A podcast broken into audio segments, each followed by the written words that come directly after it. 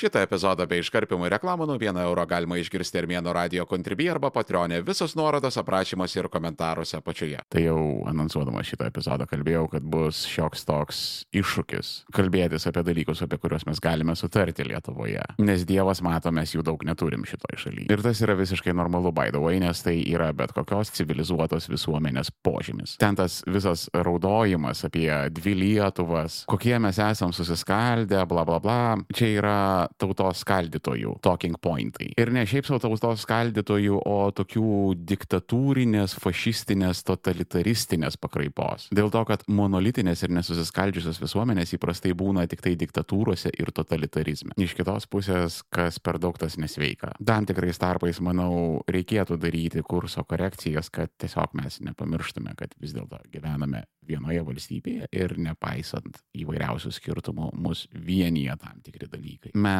Lietuvoje esame kaip bandžių šeimyną, išvedęs ir turi vaikų. Giliai nekenčiam vienas kito, bet tą pačią akimirką, kai kažkas pirštu paliečia iš mūsiškių, mes kaip paklaikusios gorilos susibėgami krūvą ir sudraskomi gabalus visus, ką tai padarė. Ir visa tai įvyksta per tuos dalykus, kurie mus vienyje. Ir ko gero labiausiai Lietuvą suvienijantis dalykas, einantis keurai mūsų visuomenės sluoksniais, nesvarbu kokios yra tavo politinės pažiūros, kokios tu esi tautybės, religijos, seksualinės orientacijos, lytinio identiteto, tavo klasės, pajamų ar išsilavinimo lygio. Niekas taip nevienyje Lietuvos kaip krepšinis arba krepšinis žmonėms vardu Marijus Žiedas. Tie, kas klausydavote senojo Armėno radio, žinote mano santykių su šituo daiktu. Ne visa Armėno kūryba yra internete. Prenumeruok Armėnas Ultra Armėno radio kontribį arba Patreonė ir gau prieimą prie Armėno slėptuvės, kur guli visi klasikiniai Armėno radio epizodai. Visos nuorodos aprašymuose ir komentaruose apačioje. Žinot, tie visi žmonės, aš nieko nesuprantu politikoje, tai čia va aš esu apie krepšinį ir sportą in general. Nežinau, čia galbūt yra susijęs su to, kad iš natūros aš esu vienišius ir mano tie visi tribalizmo instinktai yra tokie ganėtinai silpni, o sportas iš esmės ir yra pastatytas ant tų visų senų gentinių instinktų. Tai manęs ten tie visi sportai, čempionatai, lygos, taurės, olimpija visiškai nejaudina šitie dalykai. Bet bėgant laikui ir daugėjant raukšlių mano ruščioje armėniškoje mordo ir mažėjant plaukų mano nesveikoji galvoj, aš kažkaip atlyžau. Tai nereiškia, kad aš pradėjau mėgti krepšinį gink dievę. Ir bai dievę aš turiu omenyje mūsų viešpati šetoną Bafometą, kurį aš kartu su Sorošu garbinu jo liberastijos bažnyčioje. Bet einant laiko aš visai kitaip pradėjau žiūrėti į krepšinį. Man yra giliai tie visi čempionatai, apdovanojimai, medaliai, ten tos euro lygos. Patinka kiksmažodžiai? Prenumeruok Armėnas Plus tik už 1 eurą į mėnesį Armėno radio kontribį arba patronį ir klausyk epizodų be reklamų ir iškarpimo visus nuorodas aprašymuose ir komentaruose apačioje. Nes man krepšinis yra ne medaliai, ne taurės, ne kažkokios prizinės vietos. Aš šitą daiktą matau kaip geros, kokybiškos pasaulinių lygių lietuviškos švietimo sistemos pavyzdys, kuris veikia. Epizode apie mokyklas aš jau sakiau, kad švietimas yra just įgūdžių perdavimas.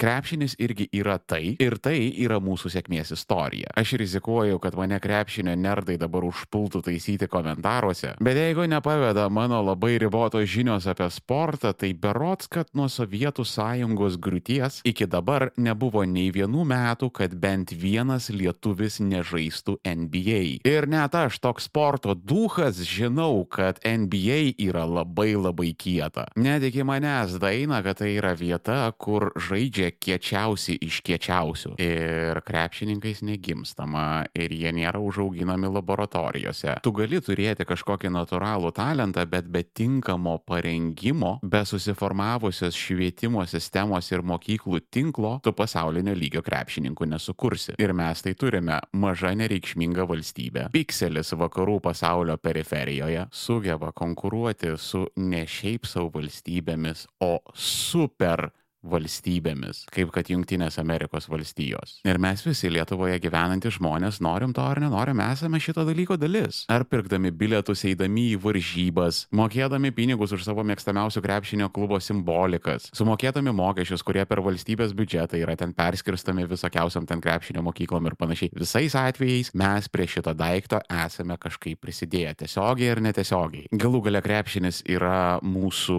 rezistencijos istorijos dalis. Su Sovietmečiu, kada žaisdavo Žalgeris prieš CSK, net bliškeveidžiai spoguoti didmešių inteligentai įsijungdavo televizorius ir sirgdavo. Actually, sirgdavo už jiems svetimą sportą, kurį jie įprastai niekindavo ir nurašydavo į primityvų tribalizmą. Vat antiek stiprus yra to daikto potencialas vienyti Lietuvą. Jeigu jau apie tai prakalbam, tai sekantis dalykas, kuris vienyje visą Lietuvą, tai yra mūsų kolektyvinė neapykanta Rusijai. Tu prasme, net Vata nemėgsta Rusijos, aš čia be jokių bairių sakau. Vatnikai nori išstoti iš ES, iš NATO, bet labai labai maža dalis nori tapti actual Rusijos dalimi. Žinot kodėl? Dėl to, kad jie nekenčia rusų. Wow, wow, pala, armėnai myliu Putiną, bet nekenčiu Rusijos, čia kaip taip gali būti? Gali, žinokit, absoliučiai. Vidinė vidinė to daikto logika yra tokia, kad supranti, va čia ta visa Europos Sąjunga, ta visa Amerika primetinėja mums kažkokias tas svetimas, liberales vertybės, nebėra mirties bausmės, gėjus visokius ten reikia toleruoti. O va rusas visai kitas daiktas yra, nes rusas yra debilas. Rusą galima vedžioti už nosės ir Sinėti. Vis tiek tas Ivanas toks yra neorganizuotas girtuoklis ir čia yra visai kitas dalykas negu ten koksai amerikonas ir europietis, pas kurį yra ordnungas. Ir jisai visada patikrina, kur eina jo pinigai. Skirtingai negu rusas, kuriam atsegė atkatą ir ramu. Sverga dauguma vatos taip galvoja. Aš tą publiką ne vienerius metus atidžiai tyrinėjau, būnu jų Facebook'o grupėse, seku jų telegramus, žiūriu, ką jie tenais postina į tos savo YouTube'us ir žinokit, 80 procentų taip yra. Pavyzdžiui, atkreipite dėmesį, kad kažkur dingo maršistų vienybė. Prisiminkit 21 metus, kokius jie rinkdavo mitingus, kiek jie prigadino valstybinių švenčių ir dabar žiūrėkit, nieko panašaus nėra. Pirmasis šeimų maršas buvo pilnas Vinkio parkas. Paskutinysis įvykęs 23 metų vasarą Bierly Bierli per pus užpildė pakaunės sodybą. Ta prasme, žiūrėjau streamus ir aš mačiau, kaip operatoriai nėrėsi iš kailio tam, kad pafilmintų žiūrovus, kad atrodytų jų daug. 21 metais jų buvo tūkstančiai, galbūt net dešimtys tūkstančių, dabar vargiai šimtai susirenka. Ir problema yra ne ta, kad maršistai neberenka auditorijos, bet kuo toliau, tuo labiau jie pradeda vienas kitą skaldyti iš rankinukų. Ta prasme, įsibėgėja runkelių pilietinis karas ir jeigu 24 metų rinkimai nebus labai palankus, palankus, ten jie pradės pjautis kaip žiūrkės kibirė. Ir šitų dalykų atskaitos taškas buvo karo Ukrainoje pradžia. Vienas ką paramos fondas jau užtiso daugybę orkų šventoje Ukrainos žemėje, bet tų orkų yra daug ir mums labai reikalinga jūsų pagalba juos pitti. Pitti orkus kartu su vienas ką paramos fondu. donate.onekfund.org arba ieškokit nuorodo komentaruose apačioje. Ačiū Jums labai. Vienas ką paramos fondas. Mes visus išpirkome. Aš tai stebėjau iš labai arti ir mačiau, kaip maršistai skilo į tris dalis. Vieni palaikė palaikė Rusiją, kiti palaikė Ukrainą, treti buvo džest už taiką. Visais atvejais nekinga mažuma maršistų palaiko Rusiją. Tai jeigu Rusijos palaikymas yra toks mažas tarptų antivalstybinių išgamų, įsivaizduokite, kas vyksta likusioje Lietuvoje. Kada prasidėjo karas, Ohmanas buvo tiesiog užmėtytas pinigų tsunamiu. Apskritai Lietuvoje būti už dabartinę Rusiją tai yra toks užrybis, ta prasme, čia yra kaip, nežinau, kovoti už teisės. Ir žinot, um, turiu prisipažinimą, Tai yra dalykas, kurio viešai niekada niekam nesusakęs. Prieš prasidedant karui Ukrainoje mano planas buvo emigruoti iš Lietuvos. Buvau net išsirinkę šalį, tai turėjo būti Danija, turėjau pasiplanavęs dalykų,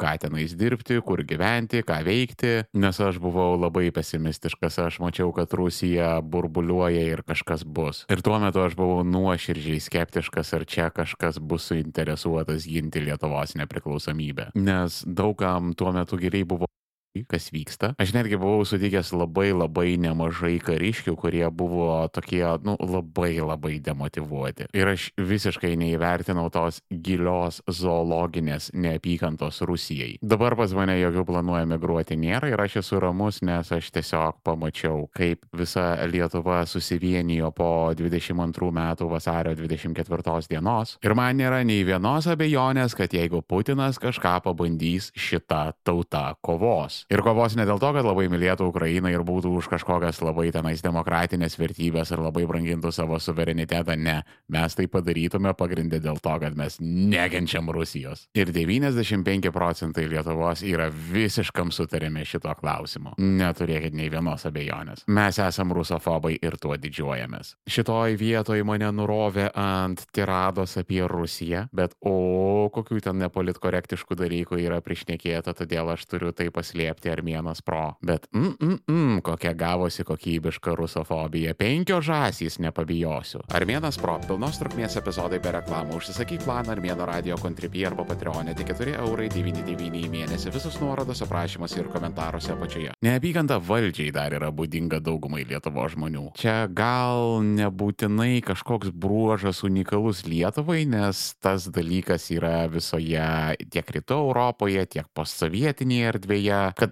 ten žmonės yra labai skeptiški valdžiai. Ir Lietuvoje šiaip yra toksai pakankamai toksiškas santykis yra su valdžia ir politika. Įprastai pas mus žmonės renkasi valdžią ir sutoktinius tam, kad po to juos galėtų nekesti. Politika apskritai Lietuvoje turi tokią kažkokio nešvaraus, kažkokio, žinai, tarsi, nežinau, kokia lytinė deviacija, tai būtų toks šlikštus, bjaurus, purvinas užsiemimas. OnlyFans yra garbingiau negu būti politiku Lietuvoje. Iš dalies tai turi tam tikrą paaiškinimą. Iš pastarųjų 250 plus istorijos lietuviai buvo nepriklausomi turbūt 50 kelis metus. Čia jeigu susumuotume tarpukario smetoninę nepriklausomybę ir dabartinę, tas nėra labai daug, turint omenyje tą daugiau nei 250 metų praeities laikotarpį. Ir didžiąją to laiko dalį mes turėdavome kažkokią okupacinę valdžią. Kada tuo pat metu vakaruose buvo statomos pirmos demokratijos, mes būdavome kažkieno opresuojami, dažniausiai rusų. Hens neapykanta jiems. Ir tas įprotis, kad valdžia yra kažkoks išorinės priespaudos įrankis pas mus taip ir pasiliko. Pavyzdžiui, yra tokia labai aiškiai jaučiama tendencija, kad Lietuvos visuomenė gali labai stipriai palaikyti kažkokį žmogų prieš rinkimus. Jisai išsirenka ir praėjus iš ankstiniam medaus mėnesiui, ta pati publika apsiverčia ir pradeda heitinti juos. Labai geras pavyzdys buvo 2012 m. rinkimuose drąsos kelias, surinkęs daugiau negu šimtą tūkstančių balsų. Čia kaip lygioj vietoj atsiradusiai neinstituciniai partijai yra nenormaliai gerai, o tada sekančiais rinkimais 2016 metais Venskienės partija nesurinko nei 10 tūkstančių balsų. Ir apskritai Lietuvoje yra taip, kad jeigu nori susišikti reputaciją, eik į politiką. Ir čia dar yra ne tik tai istoriniai dalykai, čia dar yra klausimai apie tai, kad, nu, nesame mes labai brandi visuomenė. Visuomenės yra kaip žmonės. Yra visuomenės vaikai. Chaotiški, neatsakingi, negalinti savimi pasirūpinti. Nu, tai čia mes šnekam apie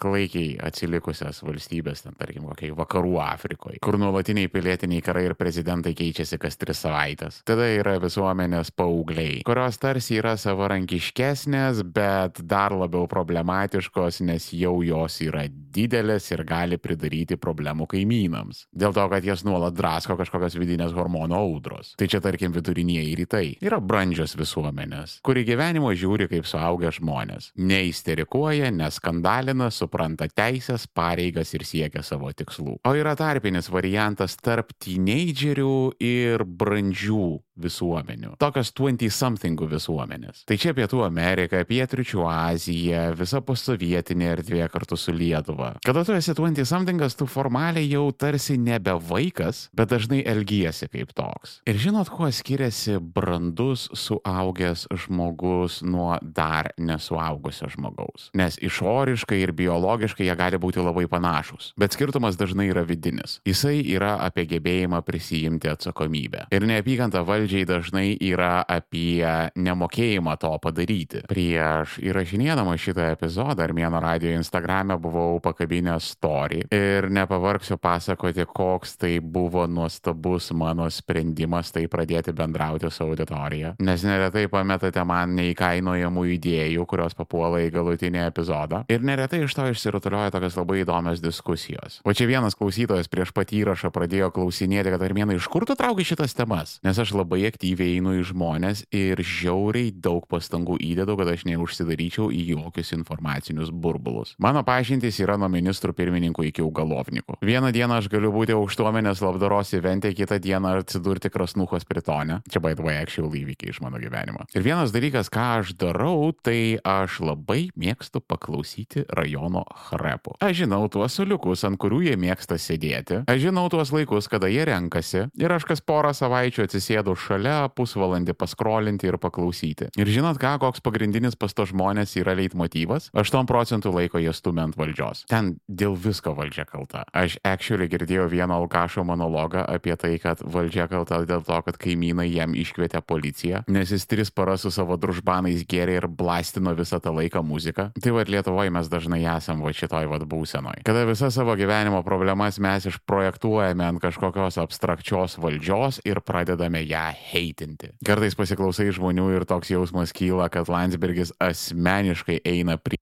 į visus krasnuhos ir naujano padėsdus. Ir tai yra taip giliai į mūsų įsigėrę, kad tokie pareiškimai girdisi ne tik tai žemutinių socialinių sluoksnių. Aš tai esu girdėjęs darant akademikus, milijonierius, intelektualus ir neapykanta valdžiai Lietuvoje pasidarė kaip oras, kuriuo mes kvepuojame. Mane be jokios abejonės komentaruose taisys tas apamai žmonės, bet aš savo atmintyje nelabai atgaminu tokio reiškinio, kad kažkokia politinė partija išsilaikytų vyriausybėje dvi kadencijas iš eilės. Ir čia, by the way, yra gana didelės dalies Lietuvos problemų priežastis, kad mes savo valdžią iš karto slepinam ir niekada neduodam jai pasitaisyti. Dėl to nėra testinumo, dėl to tokia politinė šizofrenija ir dėl to tiesiog yra daromos reformos po reformų, bet viskas labai paviršutiniškai ir giluminiais dalykais niekas nenori užsiimti, nes žino, kad jeigu ką, man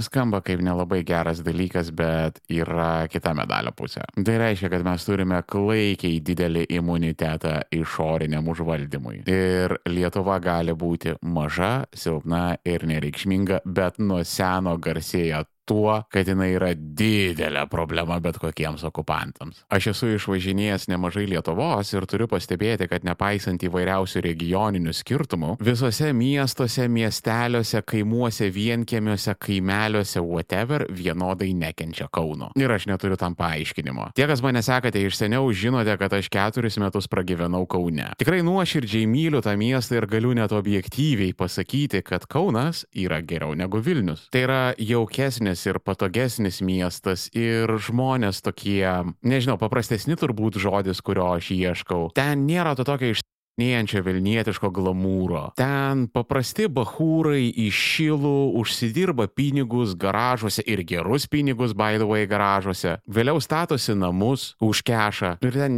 nėra tų skrepliuota barzdžių Vilniaus hipsterių, kurie ten didžiuojasi linktinuose, kad yra ten kokio nors startupo, kuris užsilenks per ateinančius šešis mėnesius ten verslo strategai. Daug rusofobijos tam mieste, kas negali nedžiuginti. Nes iki karo Ukrainoje, pripažinkim, Vilniuje tai fejerverkus kartu su Maskva šaudydavo. Dabar jau aprimo tie dalykai, bet buvo laikas. Kaune, jeigu žinai, kas yra tau gerai, tu tokių dalykų nedarydavai. Aš vieną sykį mačiau mašiną su rusiškais numeriais ir ant veidrodėlio buvo Kolorado juostelė. Ir aš ją pamačiau eidamas pakeliu į parduotuvę. Ir po dešimties minučių grįždamas atgal jau mačiau, kad jinai buvo nuvandalinta visa. Daugybė, daugybė nuostabių dalykų yra Kaune ir kas ten žino, galbūt grįšiu į tą miestą. Ir aš nuoširdžiai nesuprantu, kodėl Lietuvoje jį taip heitina. Nu, tipo, daug ten Marozų ir Selo auditorijos, nu, Hebra, tipo, panevežys neegzistuoja, tipo, šiauliai neegzistuoja. Yra žymiai didesnių marozynų Lietuvoje negu Kaunas. Meras hui Nu, tarsi Vilniaus nebūtų valdę Rolandas Paksas ir Artūras Zuokas. Ir nors aš manau, kad Visvaldą Matijošaitį kartu su jo visa nuostabia šeimyna reikėtų metaforiškai, žinoma, čia tik tai komediniam efektui apmėgti padegt, bet Malinauskas druskininkose ar Pinskuvienė širvintose yra žymiai blogiau. Ir čia toks keistas uždaras ratas yra užsisukęs, nes visi Lietuvoje nekenčia Kauno ir tada Kaunas pradeda nekesti visos Lietuvos. Ir jis va yra pačiame Lietuvos centre ir toks pakankamai izoliuotas regionas su tokiu apgulties mentalitetu. Tenais net visi tie yra 90-ųjų bairiai, kad jeigu apjuostum Kauną spigliuotą tvorą, tai visi žinotų, už ką sėdi. Ir aš visada turiu kokią nors genialią socialinę teoriją paaiškinti tokiems dalykams dalykams, bet čia aš tiesiog nieko negaliu pasakyti. Tikrai nuoširdžiai nesuprantu, dėl ko taip visi heitina Kauną. Aš turiu tik tai vieną įtarimą, kad galbūt tai yra susiję su tuo, kad Kaunas sovietmečiu labai gerai gyveno. Ta prasme, for real tais laikais Kaunas geriau atrodė negu Vilnius. Ir kada tenais atvažiuodavo komunistiniai biurokratai iš Maskvos, jie tiesiog būdavo va nuo to, kiek Kaune yra naujų nuosavų namų. Ir ne šiaip savo nuosavų namų, bet žmonės dar gaudavo leidimus namams su tokiais užapvalintais kampais, kur taip iš tolo ir prisimerkus šiek tiek atrodydavo kaip art deko tarpukario buržuazinę architektūrą. Ir tie projektai labai reikšmingai skirdavosi nuo tipinio sovietinio elitnamio. Ypatingai vėlyvuoju sovietmečiu, tai mes kažkur kalbam 86-87 metai ir aukštyn, Kaunas gyveno, nu, super gerai. Prasidėjo pirmieji kooperatyvai, pirmieji komerciniai eksperimentai, tai Kauno ekonomika tiesiog reumojo. Tas gana greitai baigėsi 90-aisiais, bet tie keletas metų, boj, tas miestas buvo sovietinis Dubajus. Ir išskyrus Kauną, tas yra taip įsišaknyje visam Lietuvos folklore. Ta neapykanta miestai dabar tiek yra hurtful bayerių, Nes viestas Kaunas ne miestas, degalinė tarp Vilniaus ir Klaipėdos. Aš pamenu, vienas buvęs kolega labai užstumė ant lūtį restoranų ten sakydamas, kad čia yra tipiška kaunietiška kultūra ir aš tiesiog buvau be žado. Ta prasme, what the Kas čia per stigmatizacija? Ir čia ne šiaip kažkoks buvo kaimo kaziolas, o toks labai neblogai išsilavinęs, gana aukštos kvalifikacijos specialistas, kuris atsisakė valgyti talutyje, nes supranti, čia yra kauniečių įstaiga. Ir okei, okay, ten yra Krislas Fairpoint. Kada prasidėjo tie visi šeimų maršai, aš tuo metu gyvenau Kaune. Ir pamenu, kaip greitai daugelio kaimynų languose rajone atsirado tos maršistų vėliavos. Vilniuje jų reikėtų paieškoti. Dabar, kai nuvažiuoji į Kauną, tai tu pamatysi gerokai mažiau Ukrainos vėliavų negu Vilniuje. Pakaunėje iš viso yra maršistų citadelė, ten labai keistų pažiūrų žmonės gyvena. Gerai, fair enough, bet, žinai, nuvažiuokit į kokius lasdyjus ir apsiraminsit. Jūs ten rasit literalų kukus klaną. Jeigu kalbam apie keistas pažiūras, tai vad nuvažiuokit į Visaginą, nuvažiuokit į Tomoševskininkų tuos kraštus, ten visokius šalčininkus, ten maišiagalas ir panašiai. Pasikalbėkit su žmonėmis ir išgirsit, ko negirdėję. Ir nors aš nepalaikau tos lietuvių neapykantos Kaunui, bet turiu šitoje vietoje pripažinti, kad tai yra vienas iš mūsų vienijančių dalykų. Labai atsiprašau visų kauniečių, bet taip yra. Jūs esate visos Lietuvos duhai. Gerai, užtenka vienyti Lietuvą, grįžtam prie kokybiškų patyčių. Savo vienas ir vienas Instagrame aš pradėjau daryti reelsus apie ten tokius nostalgiškus dalykus, kaip ten sovietinė kramtoškė ir panašiai. Ir piemuose prasidėjo įvairios diskusijos ir čia man pradėjo suktis ratai galvoje dėl to, kad vertėtų papasakoti apie sovietmetį, bet ne šiaip savo apie sovietmetį, nes apie tai jau epizodas yra buvęs, o vieno jo aspektą - deficitą. Todėl ateinančio epizodo pavadinimas - sovietinės istorijos deficitas kitą kartą per Armėno radiją. Jeigu nenori laukti ištisos savaitės, epizodas jau guli Armėno radio kontribį arba Patreonė. Prenumeruok Armėnas Pro ir klausyk visų epizodų iš anksto viso labo 4,99 į mėnesį. Visos nuorodos aprašymuose ir komentaruose apačioje. Kur dar internete būna Armėnas? Ieškokit manęs link 3 lešas Armėnas. Viskas vienoje vietoje ar pažiūrėkite aprašymuose ir komentaruose apačioje. Jeigu esate tikri Armėno kentai, laikinat, šėrinat, komentuojat, subscribinat ir rekomenduojat visiems. O šiandien tiek. Iki kito.